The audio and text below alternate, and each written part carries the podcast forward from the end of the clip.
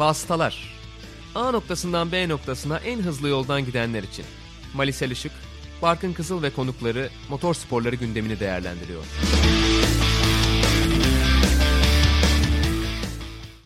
Son tur Phillip Island'da sezonun açılışında Toprak yarışı kazanmaya çok yakın. Çok çok yakın artık Toprak Razgatlıoğlu. Lowe's pulls out of the slipstream. Unbelievable, look at that. Et c'est Toprak qui gagne pour 7 millièmes devant Loves. Quelle Quelle arrivée. course Toprak Raskatlioglu gewinnt das erste Saisonrennen. Unfassbar. Rascatioglu riesce a portarsi a casa la vittoria davanti a Lowe's, davanti a Redding e davanti a Van der Mark. Estos pilotos nos han ofrecido un espectáculo brutal. Vasıtaların 21. bölümüne hoş geldiniz. Aynı zamanda ikinci sezonumuzun da 6. bölümü. Geçtiğimiz yılın Superbike Dünya Şampiyonası Bağımsız Sürücüler Şampiyonu ve Patayama Fabrika Takımı sürücüsü Toprak Razgatlıoğlu. Bugün konuğumuz. Hoş geldin Toprak. Hoş bulduk. Nasılsınız? İyi, seni sormalı sen Toprak. nasılsın? İyiyim valla. Heyecanlı bir şekilde katıldım aranıza. Öyle diyeyim. Teşekkürler. Heyecanlı Valla çok da çok da iyi oldu çünkü canımız sıkılıyordu evde. Tabii ki de Mali Selişik de bizle beraber. Mali özür dilerim seni tanıtmadığım için. Yok canım biz hep birlikteyiz zaten önemli değil. Bir de şey ya yani e, benimki sadece Malis Ejik da burada oluyor. Geçtiğimiz yılın Superbike Dünya Şampiyonası, Bağımsız Sürücüler. Şampiyonu, Patayama Fabrika Takımı Sürücüsü falan diye uzun bir şeyden sonra Mali de burada diyebiliriz en fazla. E, evde neler yapıyorsun peki? Günlerin nasıl geçiyor Toprak? Biraz Abi evde neler yapıyorum? Ee, genelde aslında evde kalmaya çalışıyorum. Çünkü e, şimdi Sakarya'da yaşadığım için Kenan abinin pisti yakın bana. Arada kaçıp Kenan abinin pistine gidiyorum. Antrenman yapıyorum. Eve geliyorum. Zaten bir gün kaldıktan sonra evde acayip derecede bir sıkılma geliyor zaten. Diğer gün veyahut da iki gün sonra tekrardan piste gidip antrenman yapabiliyorum. Çünkü orada kimse olmuyor. E, büyük pist de değil, ufak bir pist. Evde olduğum zamanlarda da azıcık spor yapmaya çalışıyorum. 10 dakika falan sürüyor zaten. Böyle bunu sabah akşam yapıyorum 10 dakika. Sonrasında da genelde oyuna sardım. Herkesin bildiği gibi Counter oynuyorum CSGO. Onu biz de soracaktık sana anlatabilirsin yeri Evet. gelmişken. Ayrıyetten de biliyorsunuz yeni şey çıktı. Call of Duty Warzone diye. Hı hı. Biliyorsunuzdur. Ona acayip sardım. Çok eğlenceli oyun. Yani PUBG gibi biliyorsunuz ama PUBG'den biraz daha hızlı aslında. Ben daha çok hoşuma gitti benim.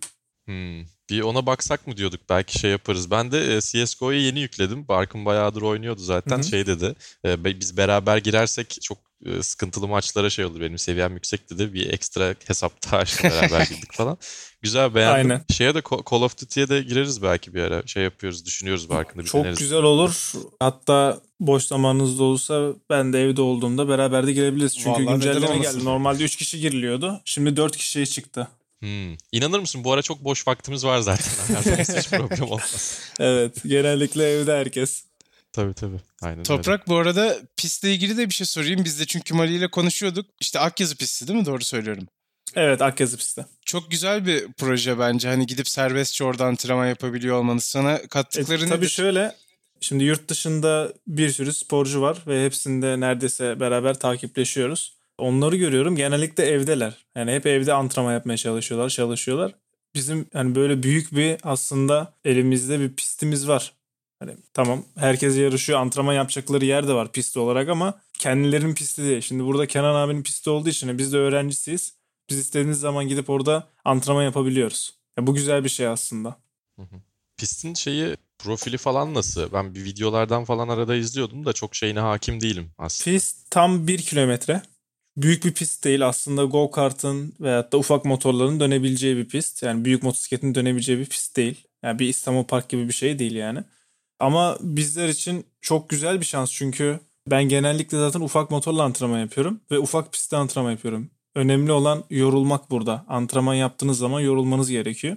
E, bu konuda ufak pist zaten fazlasıyla yoruyor. Büyük pistte dinlenme, düzlüklerde hemen hemen her tur dinlenebiliyorsun ama ufak pistte dinlenme zamanın olmuyor. O yüzden e, ufak pist bizim için çok daha iyi. Yani bir yandan da baktık mı zaten Kenan abi 5 kez dünya şampiyon oldu. Antrenmanlarını hep aynı pistte yaptı yani.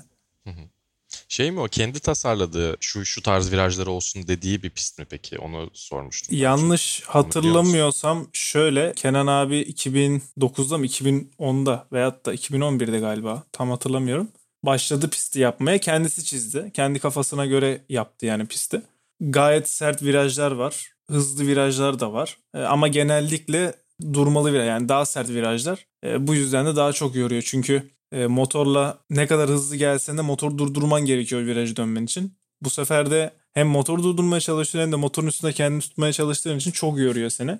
Ve çok viraj var. Yani öyle düzlüğü olmadığı için çok güzel antrenman oluyor aslında. Ve şimdi kendisi pistin asfaltını yenilemeyi düşünüyor. Çünkü çok eskidi asfaltı ve bazı yerler bozuldu. Orayı yeniledikten sonra herhalde bir 10 sene 15 sene daha gider pist. Valla çok güzel bence imkan olarak. Bayağı şanslısınız. Evet. Toprak biraz sezondan istersen bahsedelim. Sence gidişat nasıl olacak? Hiç içeriden haberler alıyor musun sezonun başlama tarihiyle ilgili ya da fikirlerle ilgili? Abi takvimi neredeyse her ay yeniliyorlar ama tabii ki de korona bitmeden bir şey yapamıyoruz. Ya ben de hiç sormuyorum zaten çünkü korona bittiği zaman mecburen o şekilde takvim tekrar açıklarlar. Ama şöyle de bir şey var. Bu iki ay içinde veyahut da bir buçuk ay içinde bitmezse zaten e, büyük ihtimal iptal ederler bu seneyi. Büyük ihtimalle biz patlarız herhalde iptal ettikten sonra. Çünkü sezonum çok güzel başladı. E, birincilikle açtık sezonumuzu. Yeni takımla her şey yeni bizim için. Motosiklet yeni, takım yeni. Çok güzel bir başlangıç yaptık. Tam da istediğim başlangıç. Çünkü iki senedir hep bunu hayal ediyordum. İlk yarışımda podyumda başlamak istiyorum diye. Bu bu sene nasip oldu bize ama koronadan dolayı yarışlar durdu. Biz de bekliyoruz şu an. Ümit ediyoruz yakın bir zamanda biter ve yarışlar tekrardan başlar devam eder diye ama şu anda görünüş tabii kolay kolay biteceğini göstermiyor. Valla biz de senin şampiyonluk adaylarından bir tanesi olduğunu düşünüyorduk. Hatta en büyük favorilerden olduğunu düşünüyorduk. Biraz tatsız oldu tam bu sezona denk gelmesi. Ya ben şöyle işte dediğim gibi geçen sene sezonun ortasından sonra bütün yarışlarda podyumda bitirdik. Evet. Bizim tabii bir yandan da moral olarak çok güçlü bir seviyeye getirdi. Çünkü sezonun ortasından son yarışa kadar hep podyumda bitirince ister istemez öbür seneye çok güçlü bir şekilde girdik biz. Tek kafamızdaki sorun Yamaha yeni motor, yeni bir takım ve takım arkadaşım var benim. E, o yüzden benim için çok zor olacaktı. Tek isteğim ilk yarışta ben podyum yapabilirsem ondan sonraki yarışlarda çok daha iyi dereceler yapacağımı inanıyordum. E, ben podyum istedim. Birincilik geldi. Bu zaten takımın da beklemediği bir şeydi. Ama Kenan abi aslında şunu anlatmam gerekir. E, anlaşma yaparken Kenan abi demişti ilk yarışta birinci olacak diye. Adamlar genellikle hep bana bunu söylüyor işte Kenan söylemişti, Kenan söylemişti diye. Aslında bizim açımızdan çok güzel bir şey oldu. Ee, şu anda takımda çok güçlü bir konumda duruyoruz. Yani Yamaha'ya ilk defa geldik. İlk defa sürdüğümüz motorla ilk yarışta birinci olduk ve Yamaha 11 seneden beri Avustralya'da birinci olamıyordu. Bu şekilde de birinci olmuş olduk. Bayağı bir ümitliler şu an. Ben de çok canım sıkıldı motor sürmem lazım. İnşallah korona biterse de devam edeceğiz sezona. Yani acayip bir şekilde motor sürmeye acıktım. Özlüyor insan değil mi? Doğru. Çok çok fena. Hazır girişini yapmışken onu da hemen aradan çıkartalım istersen. İşte Kawasaki'den ayrılış ve Yamaha'ya geçiş süreciyle ilgili hani çok söylememen gereken şeyler yoksa belki biraz Suzuka'yı da dahil ederek nasıl bir dönem Tabii. oldu senin için orası? Şöyle anlatayım. Kawasaki ile ilişkimiz zaten çok güzeldi. Çünkü 5 seneden beri Kawasaki ile yarışıyoruz.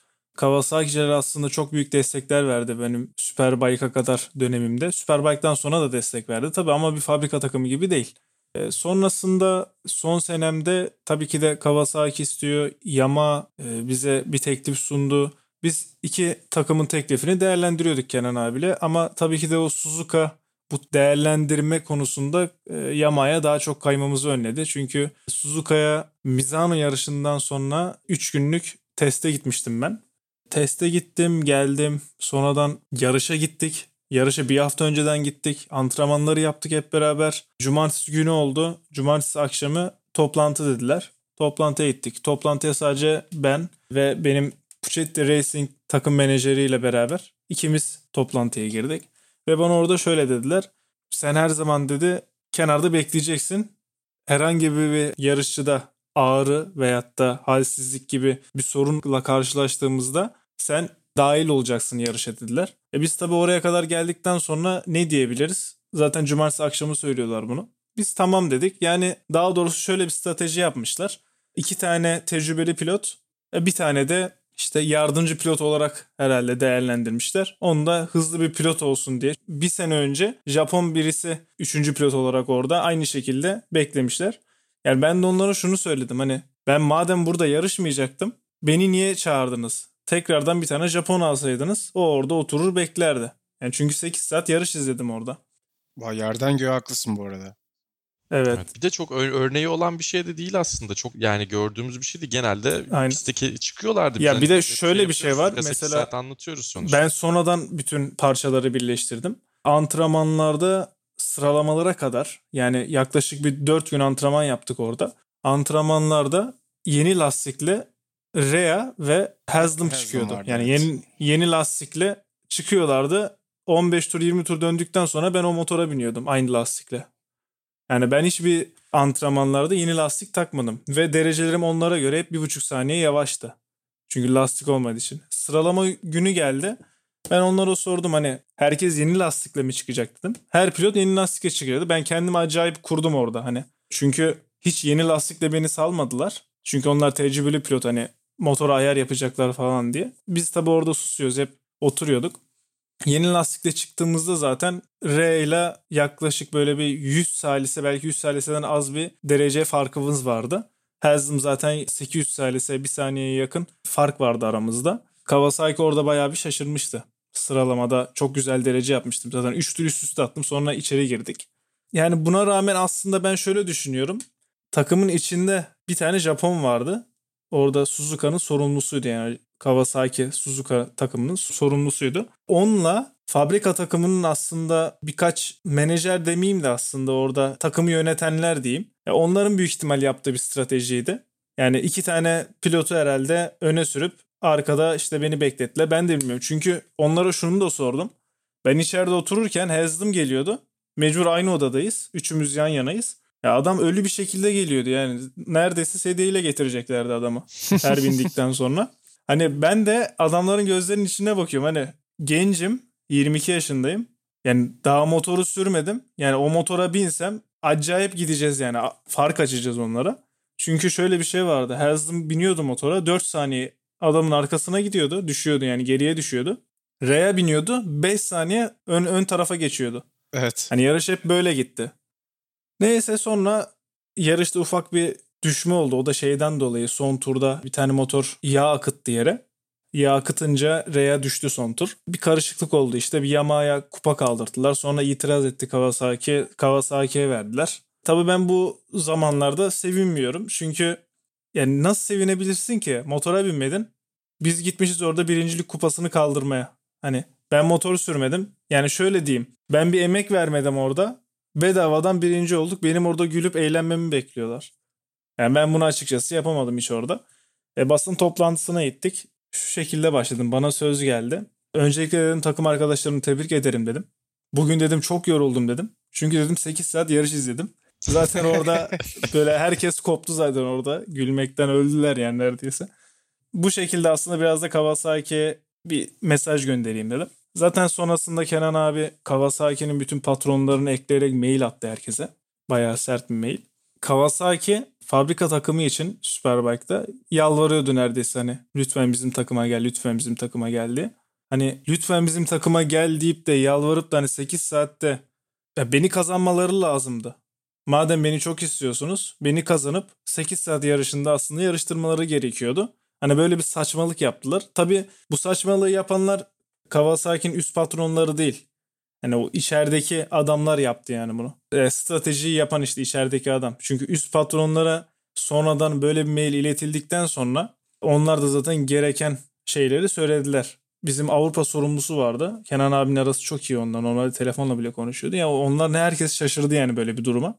Neyse o şekilde bitti. Zaten biz kafamızda yama olarak bakıyorduk. Çünkü Kawasaki'de Jonathan Rea var. E, Jonathan Rea olduğu için de şöyle bir şey. Biz şimdi Kawasaki'ye gitsek, Kawasaki'de ilk yarışı birinci olsak, Kawasaki hiçbir mutluluk yaşamayacak. Çünkü Jonathan Rea 5 kez üst üste şampiyon olmuş o takımda yani. Yani böyle şeyleri de biz düşündük aslında. Daha önceden aklınızda olan bir şey miydi peki Suzuka öncesi? Alternatiflere bakıyor muydunuz? Hani Yamaha Bizim elimizde var da başka tabii ki de. Yamaha ile Kawasaki vardı elimizde. Ama Suzuka'dan sonra zaten orada Karar karar, verdik. Çok tabii. kolay oldu zaten. Direkt yani oraya döndük. Biz Yamaha ile anlaştık sonra. Anladım. Yani şey sanki öncesinde siz oraya kadar kalkıp gitmeden önce oturup böyle bir plan yapıyoruz. Siz buna okey misiniz? Tamam mısınız siz buna deseler ona göre bir çözülüm yani çok önlenebilir bir problemmiş gibi sanki. Ya Oraya zaten- sonra bozulmuş olması tatsız Tabii olmuş. ki de zaten bunu daha önceden bize söyleseler de ben zaten kabul etmezdim. Ne işim var ki benim orada? Hani oturup yarış izleyeceğime Türkiye'de gider antrenman yaparım daha iyi. Hani bana gelip cumartesi akşamı söyledikten sonra zaten ona hayır desem ne olur, evet desem ne olur. Öyle bir şeydi yani. Yani onu güzel ayarlamışlar. Ya bu şey de enteresan. Zaten Kenan abiye söyledim cumartesi günü. Kenan abi dedi ki bir uçağa gel dedi. Dedim abi akşam akşam ne uçağına biniyorsun? Ya Haslam pistte Hemen bu kadar yavaşken yarış içinde bile değişiklik yapabilirlerdi. Biz çünkü yarışı da anlattık galiba. Takip ettik mi hatırlamıyorum da. Ya tabii ki de ya şöyle abi hani ben ilk defa şaşırdım orada. Türkiye'de herkes sabahın 5'inde mi ne kalkmış yarışı izliyor ve beni bekliyorlar. Evet evet. Hani ben ilk defa şaşırmıştım. Kimsenin böyle kalkıp hani şu yarışı izleyeceklerine şaşırmıştım. Yani ben Superbike'ı zor izliyorlar. Ama hani 8 Hours yani 8 saatlik yarış galiba çok daha böyle Şey yani- gibi işte Le Mans 24 saat. Prestij. yani galiba millet Saat çok neyse. merak etti herhalde. Çok Evet. izleme ya izle izlemeye kalkanlar vardı sabah. Yani herkes de beni bekledi. Yani herkes gibi ben de şaşırdım aslında yani tek onlar da değil. Ama ben böyle bir ara herhalde yarıştıracaklar dedim. Sonra dedim ki inşallah yarıştırmazlar. Şimdi çıkarım bir şey olur benden dolayı olur dedim. Hmm. Yani öyle bir şey oldu. Evet. Evet, psikolojik olarak garip bir hafta sonu olmuş. Çok değişikti gerçekten. ya. Yani onlar yandı ben üşüdüm yani o derece. Klimanın altında. Öyle bir değişik bir şey geçti Kawasaki ile. Şimdiki durum nasıl? Yamaha'ya olan alışma sürecin çünkü farklı tipte motosikletler işte sürüş tarzını biraz değiştirmen gerekti belki de. Hatta muhtemelen gerekti. Nasıl bir dönem Şöyle- geçirdin ki çok alışık gözüktün bu arada ilk yarış hafta sonunda. Şöyle testler yaptık. Tamam testler bazen çok iyi bazen kötü geçti. Çünkü takıma yeni geldiğim için şimdi Michael motoru çok iyi biliyor. Çünkü 3 senedir 4 senedir orada yarışıyor. Bana çok parça denettiler. Süspansiyon olsun işte elektronik o bu benim kafam zaten karıştı. Hani motoru tam böyle alışıyorum bir tane ayara. Motoru tam güzel sürmeye başlıyorum. Bana lastik takın diyorum. Şunu da deneyin diyor. Motorun ayarı komple kaçıyor. Yani çok önemli aslında motor ayarı. Motor sürerken viraja giriyorsun. Hani gerçekten bunu hissediyorsunuz. Tabii bazıları konunun böyle çok içinde olmadığı için anlamıyor ama motor dönmüyor virajı. Sen yatırıyorsun motoru. Motora yatırmada sorun yok ama motor virajı dönmüyor. Yani Ya istediğiniz hızla MotoGP'nin dönmüyor yani. bile hissettiğimiz şeyler. Aynen öyle. Farkın çok yakında. Şey Mesela. MotoGP 19'da frenle motorla viraja girmeye çalışıyorsun. Oyunda girmiyor motor dönmüyor. Freni Evet. bırakınca motor dönüyor bir anda. Evet, Yani onu hissetti öyle. yani biliyorsunuz belki. Aynı şekilde yani motor dönmüyor. E, güzel bir ayar bulduktan sonra da tekrar bir şey denetiyorlar. Motorun yine ayarı kaçıyor. Bu sefer yine tekrar ayar bulmayla uğraşıyorsun. Testler aslında biraz böyle geçti. Ama şey yani benim gördüğüm Barkın da söylediği sürüş stili olarak şimdi Kawasaki daha sert davranman gereken bazı noktalar. Onu da anlatacağım. Gibi. Kawasaki Yamaha'ya göre çok ağır. Yani motoru sağdan sola çevirmek böyle tamam dışarıdan izlerken fark gözükmüyor ama hissedilen çok ağır bir motor. Ön tarafa ağır. Elektronik olarak bir tık güzel Kawasaki. Yamaha elektronik olarak e, biraz eksiği var. Onların hepsini anlattım ben onlara. E, Benim en çok problem yaşadığım motor freni. Çünkü e, Superbike'da standart motora göre çok farklı elektronik kullanıyorlar. Ve Kawasaki elektronik olarak çok iyi olduğu için şimdi o iyi bir motordan geldim ben. Elektroniği çok iyi olan bir motordan geldim. O yüzden farkı çok iyi anlıyorum. Motor freni Kawasaki'de acayip bir şey. Yani siz frene bastığınızda 6. vitesten 1. vitese istediğiniz hızda indirebilirsiniz. Motor otomatik kendini ayarlıyor elektronik. O devir eşlemesi falan çok iyi değil mi? Zaten debriyaj ellemiyorsunuz. Direkt pat pat pat pat diye vuruyorsunuz devre şey e, vitese. Motorun 6'dan 1'e indirseniz de kendisi elektronik bir şekilde debriyajı ayarlıyor ve motoru durduruyor yani. Öyle güçlü bir motor freni var. Yamaha'da bu birazcık eksik. Çünkü aynısını yaptığınızda motorun arkası kayıyor.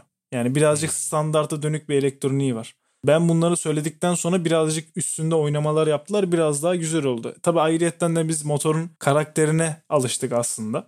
Normalde tamam ben bazen motorun arkasını kaydırmayı seviyorum frende. Çünkü motor virajı dönüyor ama bazen de gerçekten çok ihtiyacınız olan motor freni gerekiyor. Motoru durdurmak için. Tek eksi işte benim dediğim gibi motor freninde ufak bir eksiklik var. Onu da büyük ihtimal seneye çözerler. Başka bir sorun yok çünkü Yama çok güzel viraj dönüyor ve yağmurda da çok iyi. Yağmur konusuna da girdik mi onu da anlatayım. Kawasaki ile yağmurda çok büyük sorunlar yaşıyordum. Çünkü motorun arkası yere basmıyordu. Şimdi bir araba gibi değil. Dört teker değil. O yüzden yani bir lastik kaydımı zaten düşüyorsunuz yağmurda. Ya arkası hafifken zaten risk oluyor yağmurda. İşte çok büyük bir sorundu benim için aslında yağmur. Çünkü iyi dereceleri atamıyordum yağmurda. Çünkü motorun arkası yere basmıyor motoru yatıramıyorum arkası kayacak diye. Yamaha'da ilk motora bindiğimde yağmurda binmiş oldum öyle denk geldi. E, yağmurda daha 3. virajda dizimi yere değdirdim. Normalde Kawasaki'li 3. turda dizimi yere değdiriyorum. Yani o derece fark var. Yani o kadar güven verdi motor. E, yağmurda da şu an çok iyiyiz Yamaha ile. Yani genel olarak güzel başladık. Ama şunu anlatmam gerek. Hayatım boyunca bütün yarışlara çıkarken heyecan oluyor. Herkes olur bu. Heyecanım yok diyen yalan söyler yani bu konularda. Ben hayatım boyunca bu kadar heyecan yaşamamıştım. Phillip Island'daki gibi. Phillip Island'da değil mi? Evet. Çünkü yarış sırasında mı öncesinde yok, gibi mi? Yarış öncesinde hani e, yarışa başlamadan önce bir gridde duruyoruz ya. Orada acayip bir heyecan vardı. Ben tutamadım kendimi anlamıyorum yani ne oldu orada bir anda. Kafada şeyler var hani ile ilk yarışım. Podyumda bitirmem lazım. Acaba yarışta ne olacak? Nasıl bitecek? Çünkü daha önce çok iyi pozisyonlarda bitirmedim Phillip Island'ı. O yüzden bir örnek de veremiyorum kendime. Nasıl bitecek diye kendimi yedim start alanında. Yarışa başladıktan sonra zaten heyecan falan kalmıyor. E, start aldıktan sonra artık kafa otomatikman stratejiye çalışıyor. Ama ondan önce çok büyük heyecan var. Çok güzel başladık dediğim gibi ama yarışa başladık şimdi. Bari ikinci yarışı da anlatayım. Ee, ben de onu soracaktım. Evet, söyle, evet, sen geçtin Anlat abi olaylı yarış. İlk yarışımızı bitirdik. Tabii takım havalar uçuyor. Pazar günü bizim kısa yarışımız var 10 turluk. E, normalde her hafta sonu bizim 3 tane yarışımız oluyor Superbike'ın. Kısa yarışta biliyorsunuz herkes deliler gibi gazlayabiliyor. Çünkü lastik koruma gibi bir ihtiyacınız yok. Çünkü 10 turda lastik bitmiyor. Orada da ikinci olmuştun bu arada. Onu da evet, orada da hatırlatalım. Aynen. Son turda Janitre'ye atak yaptı. O konuyu da anlatayım. Yamaha'nın şöyle bir sorunu var. E, lastik kayıyorken elektronik çok tutuyor motoru. Bu sefer virajlardan motor çıkmıyor. Yani sen son gaz versen de motor gitmiyor. Elektronik tutuyor motoru. Öyle bir sorun olduğu için Jonathan Rea son virajda çok güzel atak yaptı. Çünkü ben motoru yürütmeye çalışırken o yanıma geldi bir anda. E zaten onu kapatma gibi bir pozisyonum kalmadı. Bari viraj çıkışında iyi çıkayım dedim. Motor yine çıkmadı. Son anda zaten ikinci olduk. Yine dip dibe girdik. Son yarışa gelelim. Son yarış yani normalde güzel bir strateji yapmıştım ama ondan önce Kenan abiyle konuştum. Kenan abi dedi ki arkalarda kal dedi. Hiç gazlama dedi. Çünkü Phillip Island'da şöyle bir şey var. Superbike'da lastikler yarılıyor. Bildiğimiz lastik yarılıyor, patlıyor yani düşebilirsiniz. Yani motorla gazlarsanız lastiği parçalarsınız. Parçaladıktan sonra da zaten patlıyor en son. O yeni asfaltla zaten daha da şey olmuştu. MotoGP'de de bir ara ciddi bir problem olmuştu. MotoGP'de çözdüler çünkü lastiğin bir tarafını sert bir tarafını yumuşak yapıyorlar MotoGP'de. Hı-hı. Burada standart geldiği için lastik Pirelli her sene üstünde çalışıyor ama bir farklılık yok. Lastik çok parçalanıyor. Onu halen çözebilmiş değiliz. Datalardan bakıyoruz mesela. Belli iki tane, üç tane viraj var. Sol viraj. Orada gazı fazla açtığın zaman direkt lastiğin sıcaklığı uçuyor. Yarış içinde de çok önemli. Zaten ilk yarışı izlediyseniz ben hep takip ettim. Son iki tur gazlamaya başladık. Aynı şekilde stratejiyi yaptık. Yarışa başladık. Ben bıraktım arkalara düştüm. Biraz böyle 6. 7. gidiyorum.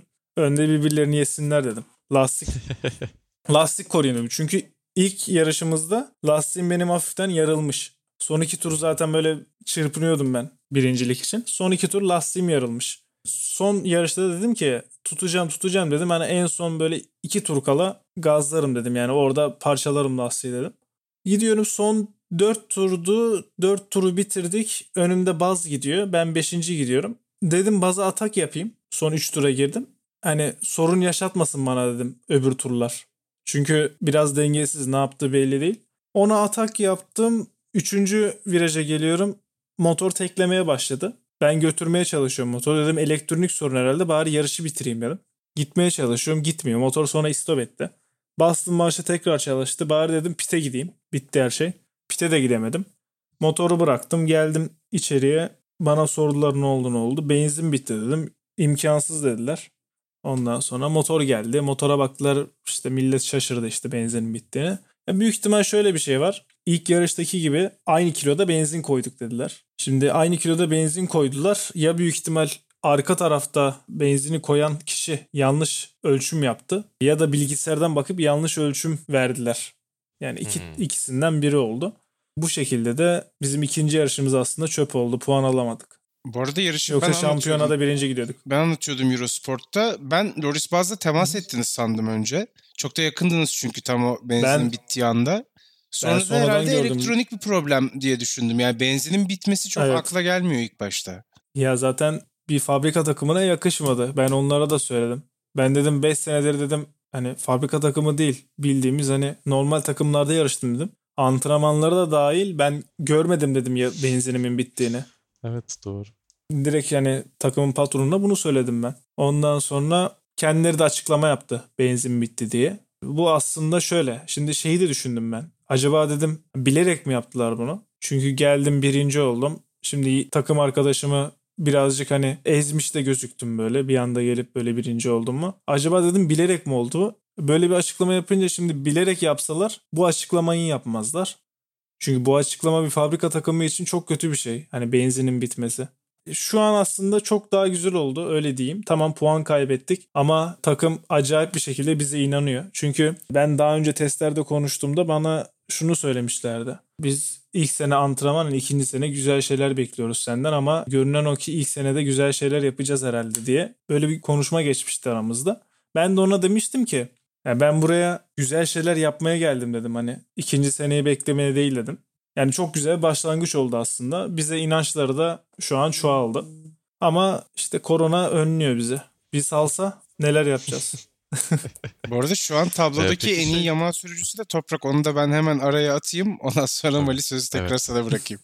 evet evet. Yani zaten şey şampiyona sıralaması da geçen senenin şampiyonluğu yukarısında Jonathan Ray'in yukarısında. Evet. Yani Üçüncüyüm o dördüncü. Daha kısa. Aynen öyle. Yani daha kısa bir şey elimizdeki sezon devam etse daha net. Benzin bitmeseydi ama... birinci açık ara birinciydik. Evet bence de bu arada. Aynen öyle. Alex evet. da önünde olacaktı. Bir de şey Yamaha ile birlikte olmanın sana şöyle bir avantajı da var. Mutlaka bunu düşünüyorsundur. Kawasaki'nin bir MotoGP takımı yok ve gitmeyi de evet. düşünmüyorlar gibi duruyor. Ama Yamaha'nın bir takımı var. Hatta Yamaha'nın iki tane takımı var. İleride Rossi emekli olursa VR46'yı da ona tutuyorlar. Hani bir üçüncü Yamaha takımı da olma ihtimali var. Geleceğe dair işte 5 senelik planların içerisinde falan var mı MotoGP? Ya da senin için ideal bir işte 4 yıl nasıl olurdu? Sen şöyle bir kursan bize. Ya Petronas'la alakalı bir şeyler geçti. Ben çok bir şey söylemek istemiyorum bu konu hakkında da.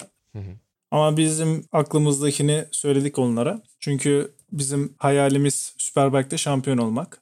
Superbike'de şampiyon olduktan sonra güzel teklifler gelirse MotoGP'ye gitmek. Öyle bir düşüncemiz vardı. Biraz beklediğimizden erken geldi bir mesaj. Ama dediğimiz gibi abi benim normalde MotoGP hayalim yok. Yani ben bunu her yerde söylüyorum. Çünkü neden yok? 20 yaşında Marquez şampiyon oldu. Ben 23 yaşındayım. Eğer ben 20 yaşlarında gidebilseydim MotoGP'ye çok isterdim gitmek. Ama şöyle bir şey de var. Ben Superbike'da dünya şampiyonu olduktan sonra inanıyorum ki Yamaha'dan bir teklif gelecek. Veyahut da MotoGP'den başka bir takımdan teklif gelecek. O zaman değerlendirmeyi düşünüyorum. E, şu anda tek hedefim Superbike'da şampiyon olmak. Yamaha ile zaten iki sezon anlaştık. E, Yamaha tabii biz çok şey düşündük. Ayrıyetten en çok kafa yorduğumuz Yamaha 10 senedir 11 senedir dünya şampiyonu olamıyor Superbike'da. Yani Tabii ben en son Ben Spies işte 2009 Ben Spies galiba. evet 2009'da. Ya bizim aslında Kenan abiyle amacımız şu. Hem kendimiz dünya şampiyonu olacağız hem de 11 sene sonra Yamaha'yı dünya şampiyonu yapmak. Hmm. Yani bu çok güzel Orada bir şey. Yani şey motosiklet değil sürücü kazandırıyor şey yapmak. Evet yani 2009'dan sonra bir Türk yarışçı geldi Yamaha'yı dünya şampiyonu yaptı. Yani hmm. çok güzel bir şey bu. Hedefimiz o. Kolay değil dünya şampiyonluğu ama savaş vereceğiz. Ya önce bir dünya şampiyonu olalım sonra Tabii. zaten seçenekler ya benim, artar ona göre bakarız. Aynen öyle. Benim zaten kafamdaki tek şey o. Hani bir dünya şampiyonu olalım ondan sonrası zaten görürüz önümüzü. Ya bir de şey böyle şeylerden bahsediyor olmak çok güzel bir şey bence Türk motorsporları adına.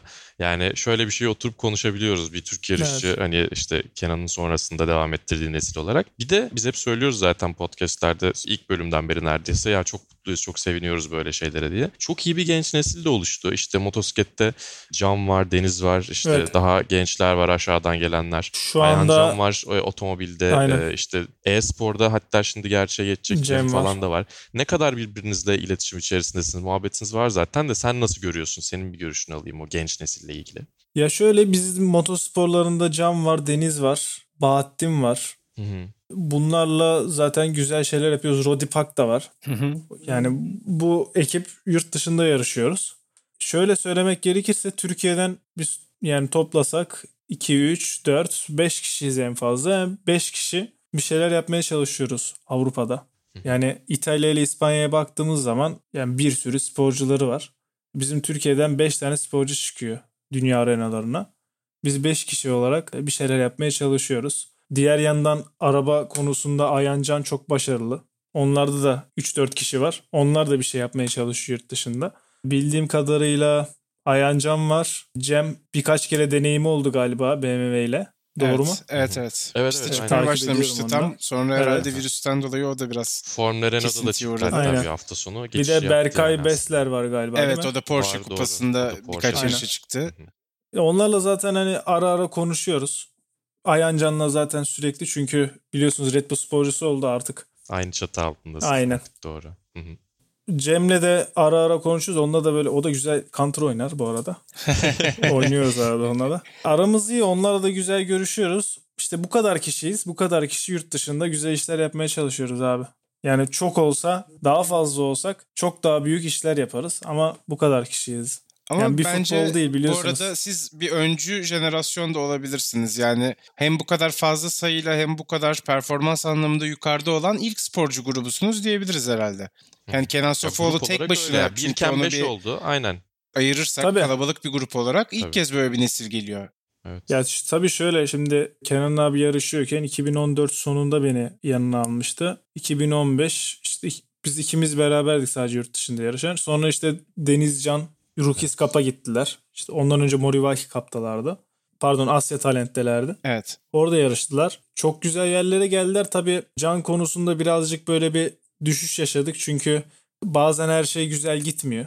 Biliyorsunuz. Bazen psikolojiye de bakıyor bu iş. Ee, ama şu an Çok Can önemli. Can çok güzel yerde yarışıyor. Süper Sport 600'de Kenan abinin bıraktığı yerde Can devam ediyor şu an. Can'ın da Kenan abinin aslında projesi şu. Can güzel işler yapıp 600'de dünya şampiyonu olduktan sonra MotoGP tarafına gitmeyi planlıyoruz.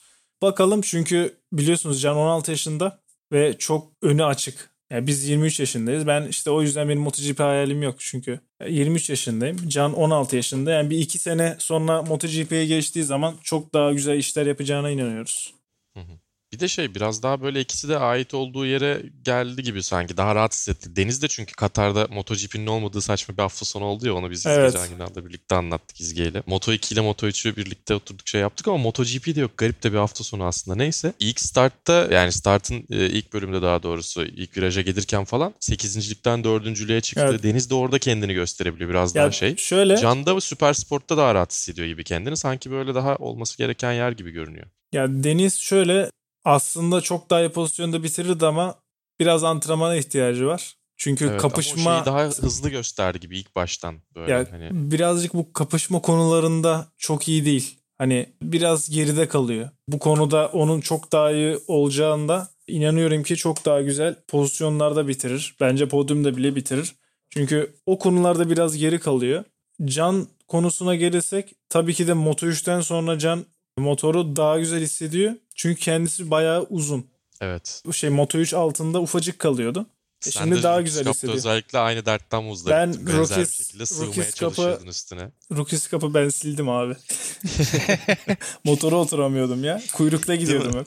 evet aynen. Can'la görüşebildiniz mi Phillip Island'da? Çünkü birbirini takip eden yarışlarda yarışıyorsunuz artık. Biz şey ya Can benim startta yanıma geldi işte. Ben onun startta yanındayım. Biz hep şey yapıyoruz ya. Birbirimize destek. Devam. Beraber takılıyorsunuz. Tabii tabii beraberiz. O da geliyor mesela kendi antrenmanı bitince benim garaja geliyor. giymiş tişörtünü Kawasaki. Kawasaki ile Yamaha'nın içine giriyor oğlum diyorum bak. Patlatacağım bizi yapma böyle şeyler. Tabii bir taraftan bu genç neslin de neredeyse tamamı e, Red Bull çatısı altında. Yani bunu da mutlaka faydalı oluyordur. Hani uluslararası bir firma olarak aynı zamanda e, motor sporlarında çok aktif. Yani Formula 1'de işte dünya şampiyonlukları var. Yani motor sporların neresine bak bakarsan bak varlar aslında. Buna senin için Evet. e, ne gibi faydaları oluyor? Ya şöyle ben e, 2015'te Red Bull aslında 2014'ün sonunda Red Bull sporcusu oldum. Şöyle bir şey var. Kaskınızda komple Red Bull yazınca ayrı bir nasıl diyeyim size mesela bir yere gittiğinizde veyahut da yarıştığınızda şimdi Red Bull kaskınız var. Size ayrı bir şekilde bakıyorlar. Bunun çok faydasını görüyorsunuz zaten. E, ayrıca Türkiye'ye baktığınız zaman hiçbir büyük firma sponsor olmuyor. E, Red Bull çok büyük bir e, market diyebiliriz. Çünkü e, yurt dışında Türkiye'de acayip güçlü. Daha öncesinde çok büyük hayallerimiz vardı Red Bull'la alakalı. Red Bull'cu sporcusu olmak çok istiyordum. E, 2014'ün sonunda Red Bull sporcusu olduk. Tabii ki de bir yerlere gittiğimizde Red Bull şapkasıyla çok farklı karşılanıyorsunuz. Çünkü herkes sporcu ama biri Red Bull şapkası taktığı zaman e, bu direkt profesyonel sporcu deniliyor direkt. Yani bakıldığı zaman Özel tabii ki de çünkü Red Bull şapkası var aslında, kafasında. Hı hı. Direkt farklı bir sporcu oluyorsunuz. Ya bunun faydasını da çok görüyoruz. Tabii Red Bull bizler için çok büyük çalışmalar yapıyor.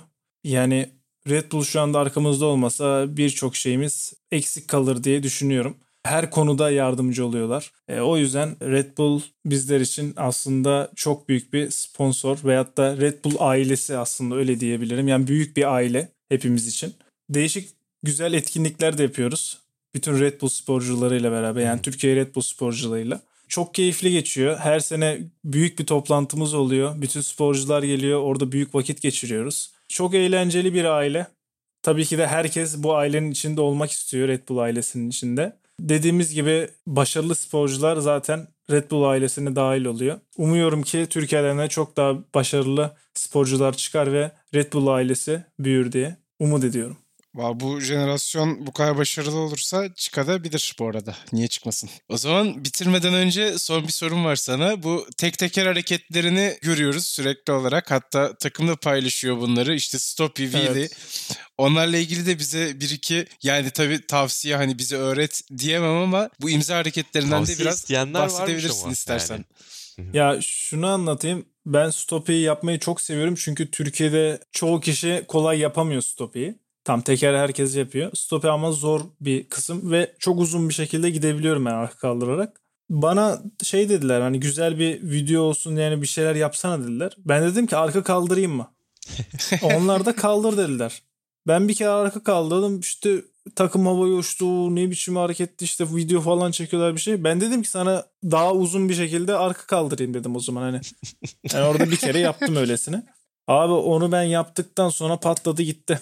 Sonra MotoGP'deki şey Jack Miller'ı yazıp etiketliyorlar işte challenge yapın falan diye. Ya neler neler yapıyorlar şu an. Bir de Yamaha takımı Ducati'nin e, Jack Miller'ın yarıştığı takımı Pramac mıydı neydi? Hı hı. E, onların Twitter'ı var. Orada arada paylaşıyorlar arka kaldırımını. Bizim takım falan böyle alta şey yapıyor. Dalga geçiyor onlarla. Yani o derece. Şu an büyük kapışma var. Bir de şey Liberty falan senden tavsiye istemişti galiba birkaç kişi de böyle. Ben sana Aynen işte e, bir şeyler öğreteyim sen bana bir şeyler öğret diye. Güzel ya baya. Charles Davis şey diyor. o bat- Bateri o şeyleri çalmayı öğreteceğim diyor. Sen de bana diyor arka kaldırmayı öğret diyor. Güzelmiş. yani sizin için de şöyle diyeyim. Siz motosiklete biniyor musunuz? Yok. Yok. Ben otomobile biniyorum. yapıyorlar Mario'lar da aslında. bilmiyor galiba değil mi Mali? Valla ben de şöyle anlatayım. Ee, ben e, hem otomobili hem de motosikleti çok seviyorum. E, motosiklet aslında artık benim işim oldu. Arabada hobim. Araba hastasıyım. Hobi olarak tabii. Ama motosiklet işim. Yani buraya geldim şu an. Yani Arabayı vasıtalar seviyorsun diyebiliriz aslında. Tabii tabii. Abi. Her türlü vasıtayı seviyoruz. Biliyorsun bir de Kenan abi alıp getiriyor böyle Lamborghini falan. Biz o zamanlar tam böyle hani görüyoruz böyle gördükçe de hayal ediyoruz. Doğru. O zaman yavaş yavaş kapatalım bölümü. Çok teşekkür ederiz Toprak. Çok keyifliydi. Ben teşekkür ederim size. Çok sağ olun. İyi ki geldin ağzına sağlık. Vasıtaların bir bölümünün daha böylece sonuna gelmiş olduk. Ben Barkın Kızıl, Mali Selişik'le beraber bugün Toprak Razgatlıoğlu'yla birlikteydik. Bir sonraki bölümde tekrar görüşünceye dek hoşçakalın. Hoşçakalın. Hoşçakalın.